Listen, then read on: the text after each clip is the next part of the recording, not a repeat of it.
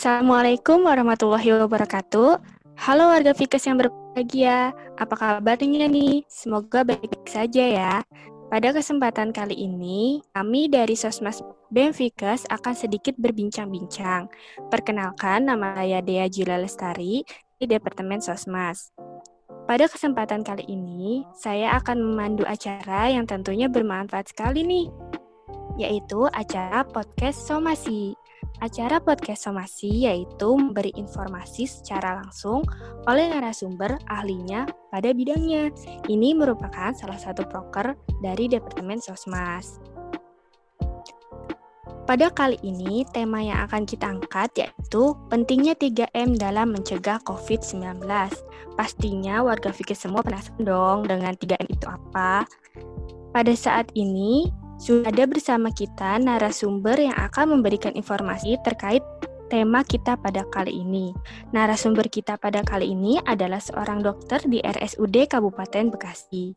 Beliau merupakan salah satu dokter yang menangani pasien COVID-19. Beliau adalah Dr. Satrio Kito. Sebelumnya, terima kasih banyak. Terima kasih banyak atas waktunya yang telah diberikan kepada kami untuk mengisi acara kami kali ini. Uh, bagaimana keadaannya dok? Alhamdulillah baik. Lagi operasi. Uh, iya masih di itu ya tangannya dok. iya. Maaf ya dok, da, ganggu apa -apa. waktunya. Mumpung isi, mumpung isi waktu selama istirahat di rumah. Walaupun minggu kemarin udah coba masuk sih beberapa jadwal. Karena teman-teman udah mulai keluar capeannya jadinya ya udah mau nggak mau masuk. Iya. alhamdulillah fit.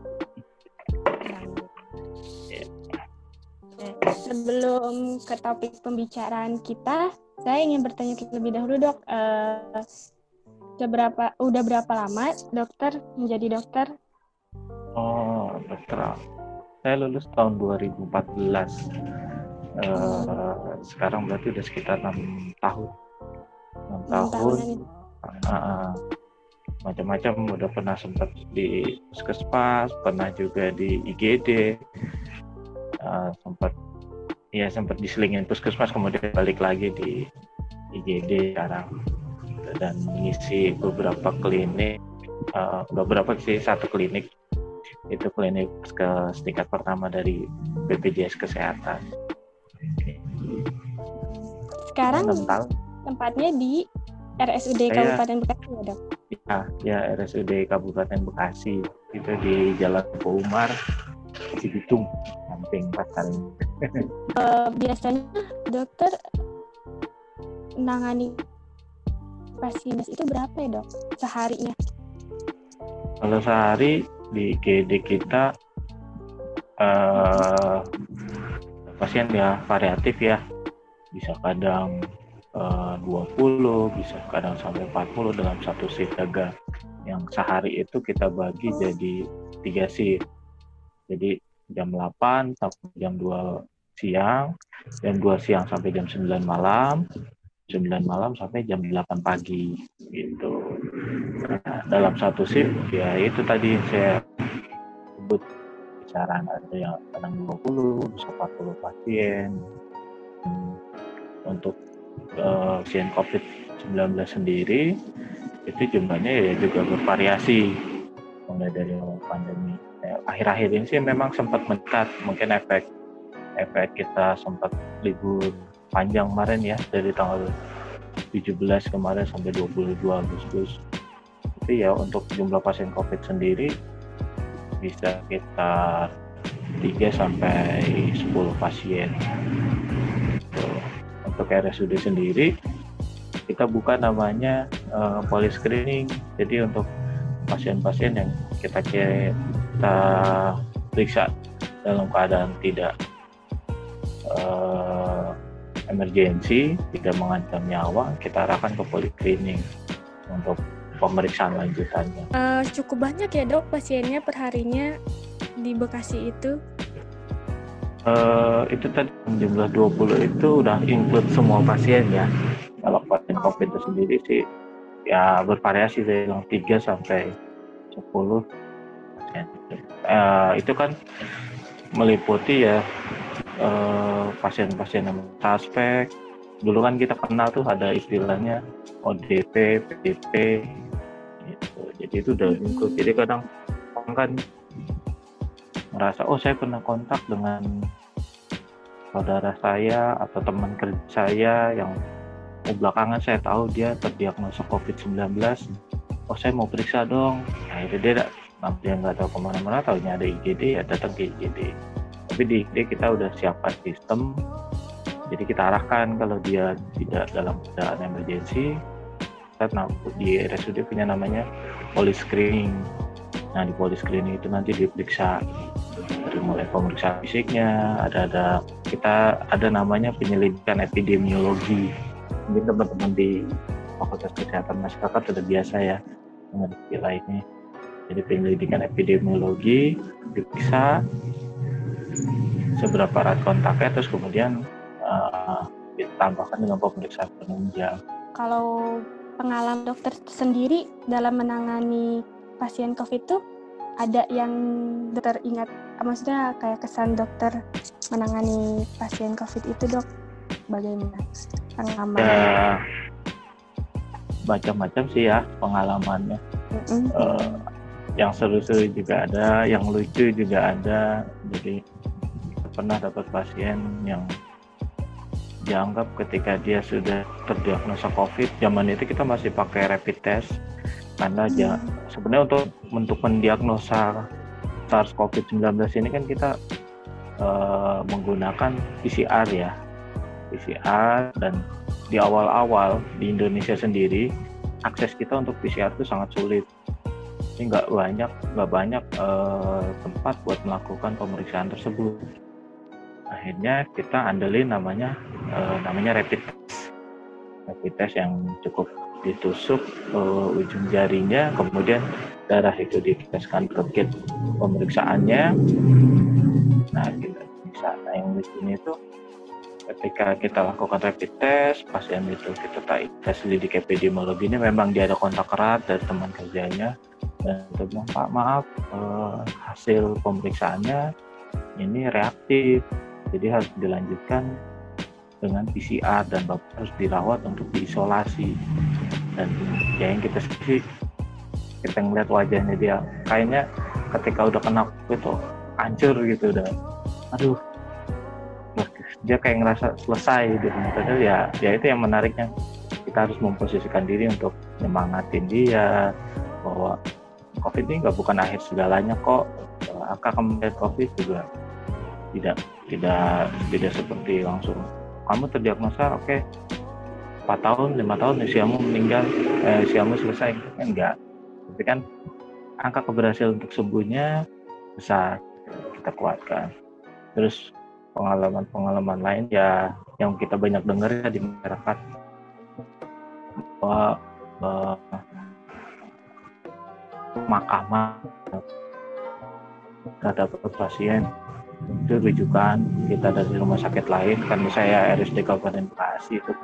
Rujukan dari beberapa rumah sakit tipe dan D di kabupaten mereka merefer ke pasien ke kita. Dan keadaannya kadang beberapa sudah dalam keadaan kritis. Sampai akhirnya kita lakukan pertolongan di IGD kita meninggal. Nah ketika pasien ini kita curigai sebagai pasien COVID-19 berarti kan e, pemakamannya kita ambil alih, pemerintah ambil alih dengan protokol kesehatan. Jadi kita tempatkan di pemakaman yang khusus dan proses pemakaman e, kita yang kelola dalam artian ya tetap tanpa mengurangi hak-hak si pasien uh, di agamanya masing-masing. Misalkan kalau kita yang muslim ya hak untuk dimandikan, dan disolatkan itu tapi tidak kita modif uh, berdasarkan hasil konsultasi kita dengan MUI setempat kita ganti. Misalkan pemandiannya kita uh, cukup dialirkan di basuhin di atas kantong jenazah intinya kita ambil alih. Nah keluarga yang gak, belum bisa menerima karena ya namanya ketika ada anggota keluarganya meninggal kan pengennya di ini udah ada dah terakhirnya keluarga kami lah pengen ada di dekatnya. Kita tolak akhirnya. Kita tawar menawar untuk mau atau tidak. Nah itu juga sempat sempat ya bahasa ada nada-nada emosi yang naik. Nah itu ya di situlah seninya kadang sampai kita harus mendatangkan polisi dan security untuk mendampingi untuk itu sih yang jadi banyak ya dok pengalaman-pengalaman yang sudah dilewati dengan kondisi kayak gini. Masyarakat masih yeah.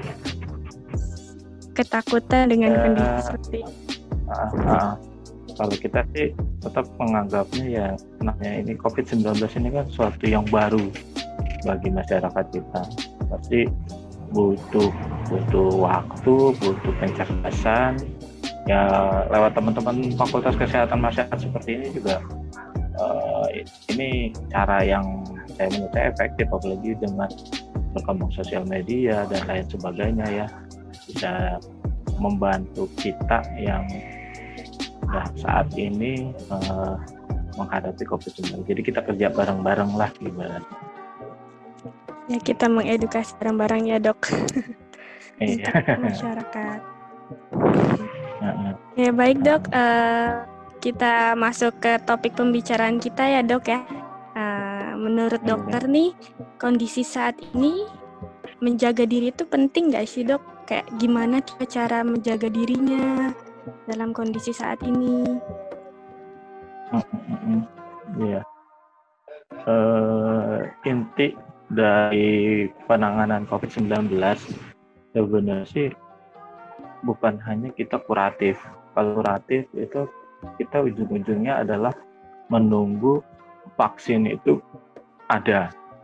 Walaupun ya kemarin kita dengar tuh uh, UNER bersama TNI Angkatan Darat dan Badan Intelijen Negara untuk menciptakan sebuah obat ya tapi kan suatu obat itu saat ini kita lihat sendiri di Badan POM uh, masih proses penelitiannya masih sangat panjang dan vaksin sendiri kita dengar aja tahapnya baru klinis ya. Mungkin sampel setahu saya udah 1800 dan sampel itu ketika uh, vaksin bisa kita pakai itu setahu saya standar itu. Bila 50% dari peserta uji sampling kemarin, uji penelitian kemarin yang diikuti oleh Pak Gubernur dan di dari Barat kemarin itu, kalau 50 persennya di atas di atas 50 persennya itu berhasil, baru bisa kita pakai untuk kemudian uh, seluruh penduduk kita. Sementara kita punya penduduk itu 260 juta. 260 juta uh, untuk divaksin itu minimal efektif itu 70% dari pesertanya dari jumlah populasi. Berarti kita butuh 70% dari 260 juta dan itu pemberian vaksinnya dua kali. Besar sekali. Gitu itu kuratifnya. Kuratif kita masih yang mungkin tahun depan kita akan punya vaksin. Nah balik lagi tetap eh, penjagaannya sekarang gimana? Kalau kita lihat kasus kan makin terus apalagi akhir-akhir ini ya terus meningkat. Uh, ya balik sih yang tadi saya bilang ya kita jalani dulu deh yang yang ada. Jangan sampai kita kena gitu. Yang nggak akan biar kita nggak kena ya pencegahan. Teman-teman di promotif preventif ini yang kita kerjakan itu yang sekarang kita kampanyekan. Mulai pakai masker menjaga jarak membiasakan cuci tangan seperti itu. Jadi jaga dirinya ya gimana? Kalau menurut saya tanya penting nggak dok uh, jaga diri? Ya penting banget gitu. Daripada kamu kena dan kemudian obatnya belum ada gitu uh, simpelnya kan gitu kalau menurut saya sih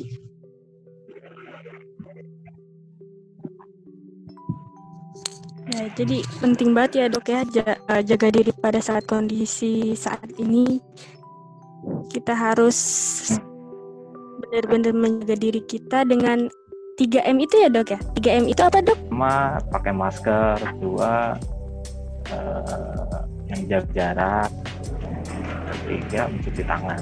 Hanya untuk COVID. Uh, jadi COVID, ada COVID. memakai ya ada memakai masker, menjaga jarak sama mencuci tangan ya dok ya. Hmm, hmm, hmm, hmm, hmm. Itu sudah sudah terbukti banget. Kita bisa lihat data, uh, misalkan yang pertama ya memakai masker nih. Kita bisa lihat data gimana perkembangan penyakit COVID-19 sebelum era pemerintah kita kan sempat tuh di bulan April sih harga motor bedah melambung dulu saya kalau beli itu biasanya box cuma dua puluh ribu dua puluh lima ribu buat naik motor. Tapi ketika pandemi berlangsung uh, spekulan itu jual sampai sekitar tiga ratus ribu. Gitu. nah akhirnya masker itu langka nggak ada yang pakai masker WHO sudah dapat data waktu itu dari Ceko kalau nggak salah bahwa masker kain pun akhirnya dianggap efektif untuk mencegah. Akhirnya diterapkan di negara kita dan bisa kita lihat sendiri eh, grafiknya di bulan-bulan itu ada datanya bisa kita akses semua jumlah eh, bahwa jumlah kasus COVID-19 menurun dan ketika kita sudah mulai mengkampanyekan pakaian masker ketambah ditambah dengan penerapan lainnya dari jaga jarak, diterapkan PSBB, pembatasan sosial skala besar dan lain-lainnya. Gitu. Saya rasa efektif banget pemakaian masker itu. Walaupun cuma masker kain ya untuk saat ini. Walaupun datanya masker kain masih bisa tertembus virus, tapi kan dikombinasikan dengan penjaga jarak juga efektif. Oke. Jadi sudah terbukti ya dok kalau misalnya kita mencegahnya hmm. dengan 3 M itu kita bisa terhindar dari COVID-19 dari data-data tersebut. Hmm. Oke. Iya. Mm, dengan membahas pemakaian masker nih dok, uh, bagaimana penggunaan masker yang benar dok? Sebenarnya masker seperti apa yang dapat mencegah COVID-19 itu dok? Oke, uh, pemakaian masker itu sih gini kadang yang kita lupa nih dari suatu alat ya cara gunakan yang benar gitu. jadi intinya sebuah masker seperti sebuah lembaran ya kalau kita misalkan sebuah lembaran seperti ini ya ini yang bagian di depan ini adalah bagian terluar masker dan ini bagian dalamnya intinya gini uh, yang benar adalah jangan sampai bagian yang kena kuman mengenai uh, bagian yang kita harus jaga yaitu mulut dan hidung ya. Uh, makanya ya pasti ya yang benar uh, pertama sebelum memakai masker bersihkan dulu tangan kita. Ini yang saya lihat dari teman-teman beberapa uh, di luar gitu di tempat makan di tempat apa di luar ya. Seperti itu yang lupakan adalah menjaga kebersihan tangan. Masker ini bersih depannya bersih dalamnya bersih steril ya. Tapi ketika dia mau pakai dia lupa cuci tangannya. Nah ya pegang habis megang apa pegang gagang pintu atau megang apa yang biasa dipakai oleh orang banyak kemudian nggak sadar megang bagian dalam. Bagian dalam akhirnya dipakai deh sini. Sama aja akhirnya itu jadi pertama yang harus ingat cuci tangan dulu sebelum pakai masker. Kemudian pemakaian maskernya juga harus benar. Masker yang benar adalah menutup hidung dan mulut.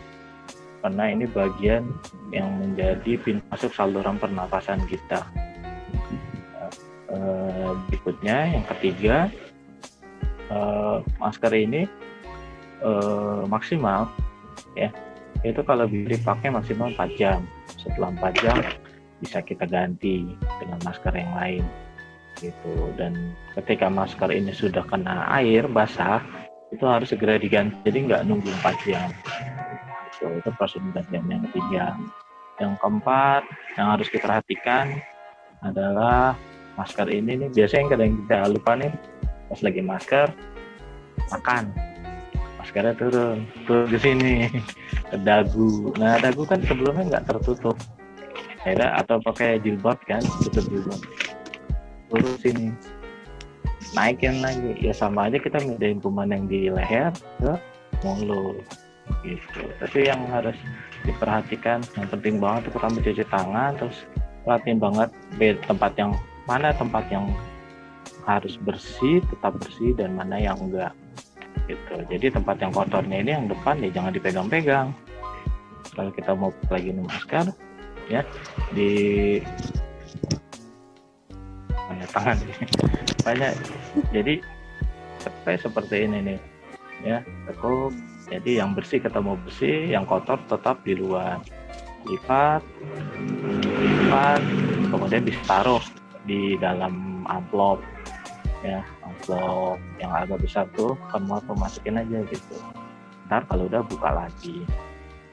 Seperti itu. Nah terus sekarang jenis maskernya sendiri harus masker bedah yang bisa kita gunakan di rumah sakit. Atau cukup masker kain.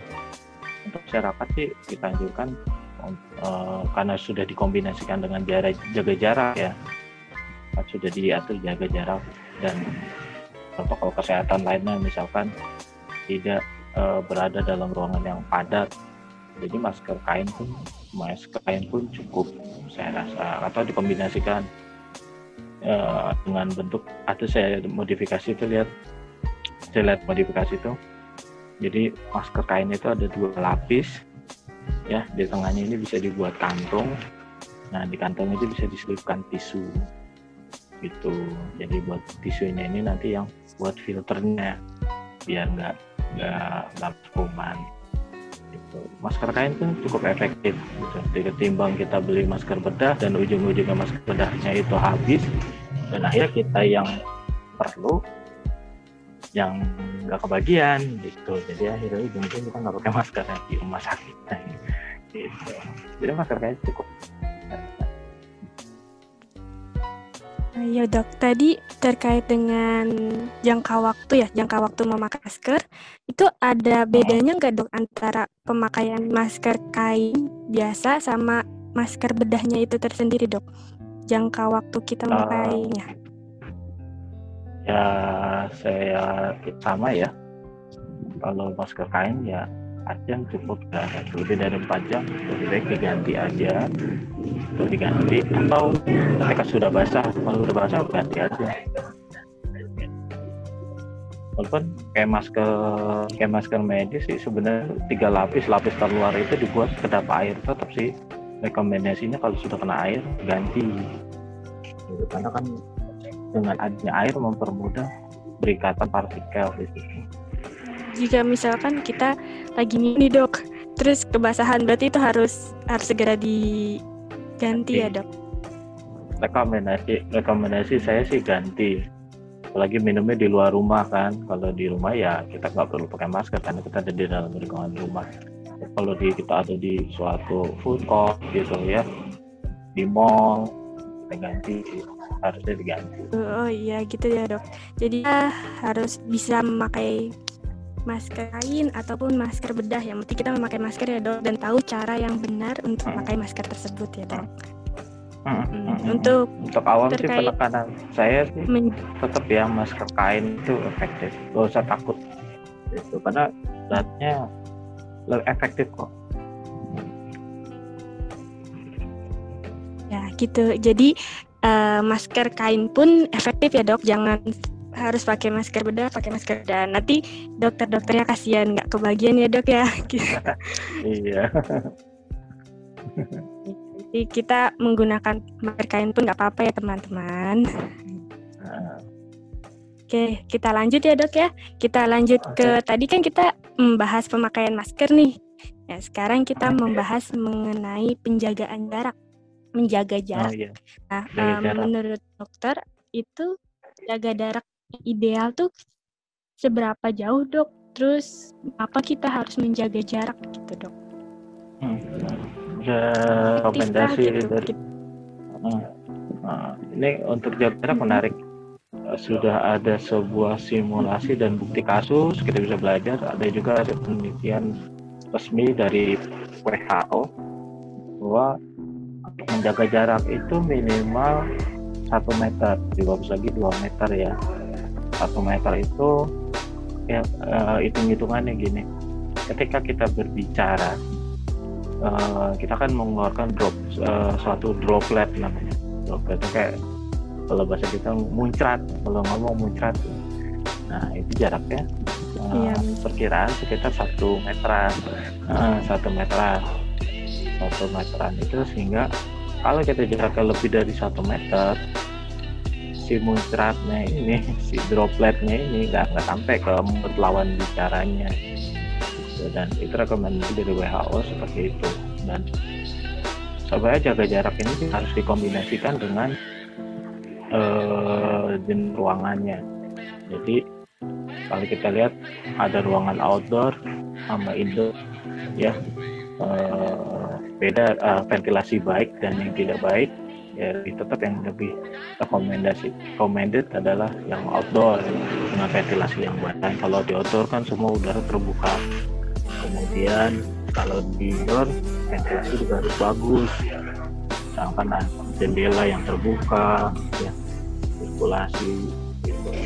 ini ada penelitiannya dari British Medical Journal bahwa eh, ternyata di ruangan indoor sekalipun dengan ventilasi baik dan kita keadaan diam apabila kita ada dalam kapasitas ruangan yang melebihi dari separuhnya itu tetap resiko tinggi untuk tertular. Diam aja bisa tertular itu bahasa ini jadi jaga jarak ini intinya lebih dari satu meter.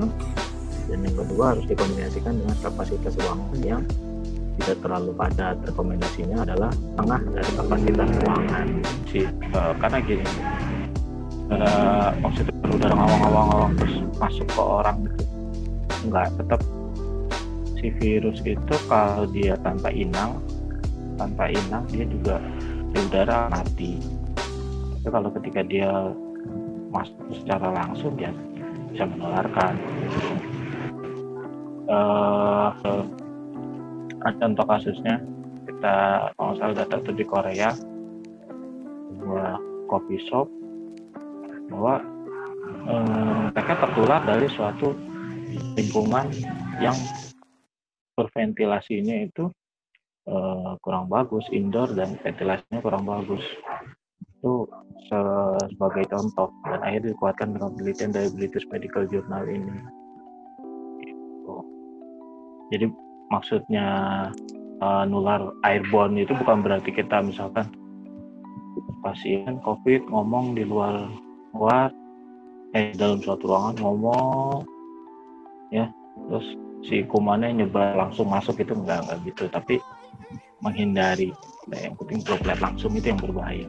Bukan dia diam di udara untuk beberapa waktu yang lama enggak Oh iya, jadi seperti Bingungin. itu ya dok ya. Jadi bukannya bukannya dia hidup di udara ya dok, itu takut bukan, yang lain pada salah persepsi kan tentang isu-isu iya, itu ya. Iya. Sudah dijelaskan oleh iya. dokternya iya. bahwa tidak iya. bisa virus corona itu hidup di udara ya dok, harus mempunyai inang. Ya, oke. Okay. Baik dok, in untuk penjelasan menjaga jarak cukup, kita ke mencuci tangan ya dok. Iya. Uh, nih, uh, ini salah satu. Tanya nih dok, kan ada mencuci tangan enam langkah ya dok ya? Enam langkah uh -huh. mencuci tangan. Hmm. Nah itu uh, antara melang uh, enam langkah cuci tangan dengan mencuci tangan biasa tuh ada pengaruhnya nggak sih dok? Pengaruhnya ya cukup besar ya. Yang pasti cuci tangan karena uh, penelitiannya uh, virus ini ketika ada di dalam permukaan kulit ya uh, cukup dengan sabun. Sabun mandi sekalipun yang kita punya itu virus itu sudah sudah um, rusak strukturnya dan kemudian akhirnya mati. Jadi ini efektif banget cuci tangan itu. Nah cuman cuci tangan yang benar kayak gimana ya itu yang tadi dia bilang bahwa ada namanya enam langkah cuci tangan. Dan yang pasti cuci tangan ini bukan digunakan bukan pada air yang menggenang tapi air yang mengalir. Dan kita disamain dengan kita di nasi padang kobok gitu. Yang nggak seperti itu walaupun caranya langkah cuci tangan tapi kalau dia kobokan yang nggak nggak nggak bakalan efektif tetap cara pertama harus kayak mengalir. Uh, langkahnya ya harus benar. Pertama sabunnya sabunnya diratakan dulu di permukaan tangan ya. Buat sela-sela jarinya punggung jari kanan dan kiri ya. Ibu jarinya di bagian ini. Kemudian uh, yang kadang lupa biasanya di masyarakat itu bagian kuku. Kukunya ya. Terus kemudian basuh dengan air mengalir yang nanti beberapa masyarakat ketika saya belanja atau supermarket gitu masyarakat optis sekarang udah mulai sadar ya teknik enam langkah tangan ini. Cuman yang saya sayangkan adalah um, proses pengeringannya. Kadang um, cuci tangan ini nggak benar tapi handuknya saya lihat handuk pentingnya itu handuk yang udah lepek basah dan itu mungkin udah dipakai berapa puluh orang atau ratus orang. Ujung-ujungnya ya si kumannya ada di jangan-jangan ada di handuknya itu. Itu jadi ya tetap pengeringan juga harus benar. Gitu. jadi selain cuci tangan teknik pengeringannya juga ya dok ya? Jangan sembarangan menggunakan iya, handuk kan. gitu. Teknik pengeringan. Terus kita kita lupa lagi tuh kayak kerannya sendiri ya kalau untuk cuci tangan ya kalau bisa desain keran yang enggak lagi yang diputar. Karena kalau diputar kan kita harus tangan udah bersih kita pegang lagi tuh pegang kerannya. Kalau dia yang tuas kan cukup pakai siku bisa digeser. Gitu. bisa juga pakai sensor gitu ya dok ya. Biar kita tidak langsung bisa bisa bisa, hmm. Untuk terkait uh, hand sanitizer nih dok uh, dampak hmm?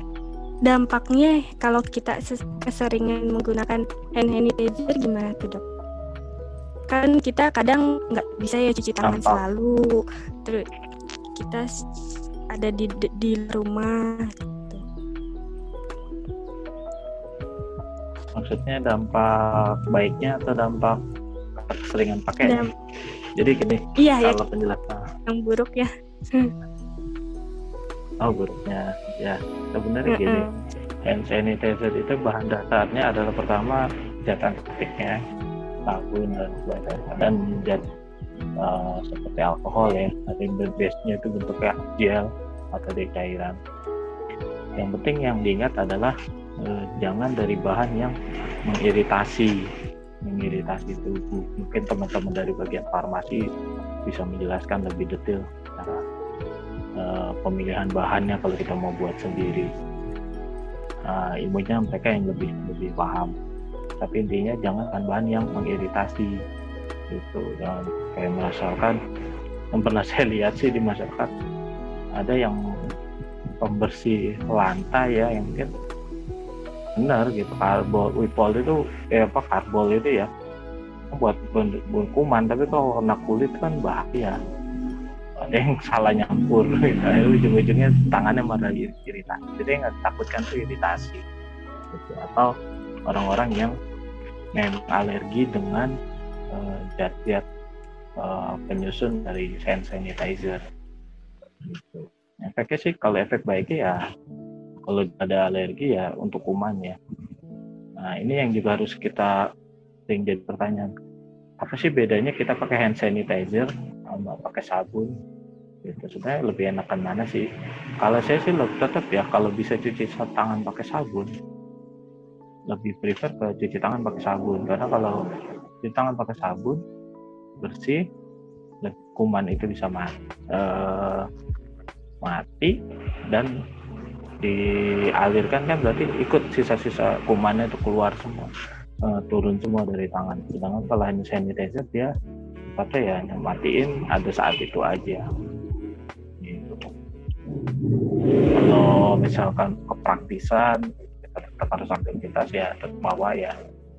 Sanitizer itu penting soalnya jadi antara uh, cuci tangan dan hand sanitizer itu uh, diharuskan cuci tangan ya dok lebih baik jika jika ada Ya, lebih prefer. Lebih, lebih membunuh kuman ya dok. Mungkin bahasan kita sudah cukup ya dok ya. Uh, okay, uh. Kita sudah cukup banyak berbincang-bincang dengan dokter Tio ini. Okay. Sebelum mengakhiri bincang-bincang ini, boleh dok dokter menyampaikan pesan untuk masyarakat agar masyarakat dapat sadar bahwa bahayanya COVID itu mengingat kita gitu dok. Hmm. Masyarakat. Mulai. ya, uh, intinya ya seperti yang diarahkan oleh pemerintah lewat Kementerian Kesehatan dan gugus tugas ya di mana pun uh, tetap uh, jangan sampai kendor dalam penggunaan masker dan sama yang kita jalan ini 3M mencuci tangan menjaga jarak ya uh, menggunakan masker itu yang harus kita jalin terus. Jadi uh, ini udah terbukti efektif ini harus kita jalankan. Terus yang kedua kalau memang nggak perlu perlu banget kita perlu keluar rumah. Kadang saya juga kasih yang ngeliat anak kecil jalan di mall untuk ngapain gitu. Ujian punya liburan yang nanti dulu deh sabar gitu karena case-nya itu masih tinggi. Kita kalau lihat data kita ini belum sampai ke puncak. Dan kita belum dalam fase turun.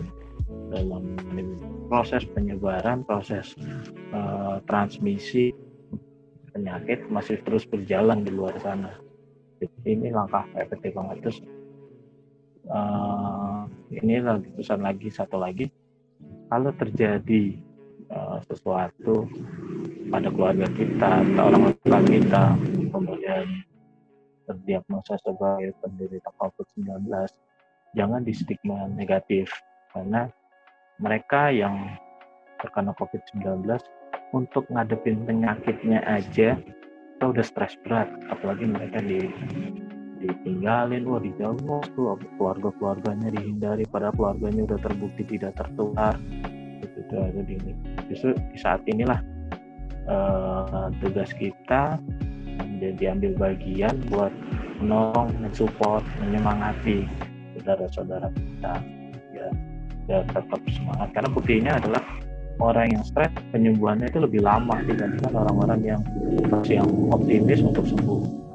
Itu beda banget jadi ya seperti itu sih. Jangan di stigma negatif COVID-19 itu karena kita kan nggak mau. Sebenarnya kalau pribadi sih sebenarnya juga nggak mau. Sakit. Tapi kalau emang udah tertular karena harus aktivitas kan lagi eh, saudara-saudara kita yang kerja di kontak dengan publik mereka yang harus mencari apa untuk bertemu dengan orang lain seperti driver uh, ojek online atau pelayanan pelayanan publik seperti polisi ya harus kerja melayani masyarakat kan mereka juga nggak mau sebenarnya sampai jadi penderita jadi jangan dijauhi tentu saja telah disampaikan oleh Pak Dokter dilakukannya teman-teman diingat selalu ya dok ya biar bisa melewati ya. pandemi ini dengan aman.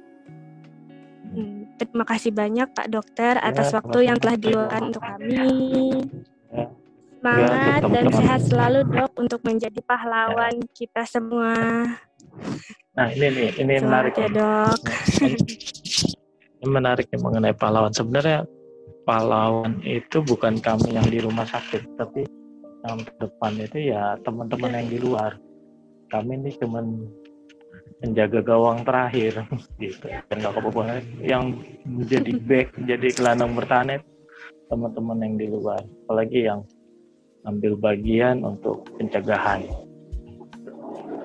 ya ya uh, tetap semangat ya dok untuk terus merawat ya, ya, pasien COVID-19-nya ini. Kita bantu untuk okay. mengedukasi masyarakatnya. Ya, okay, cukup sampai di sini ya, Dok ya. Terima kasih banyak. Ya, sama-sama teman-teman. Ya, sampai di sini dulu ya warga Vikas. Kita akan bertemu lagi di topik berikutnya. Jangan sampai ketinggalan ya.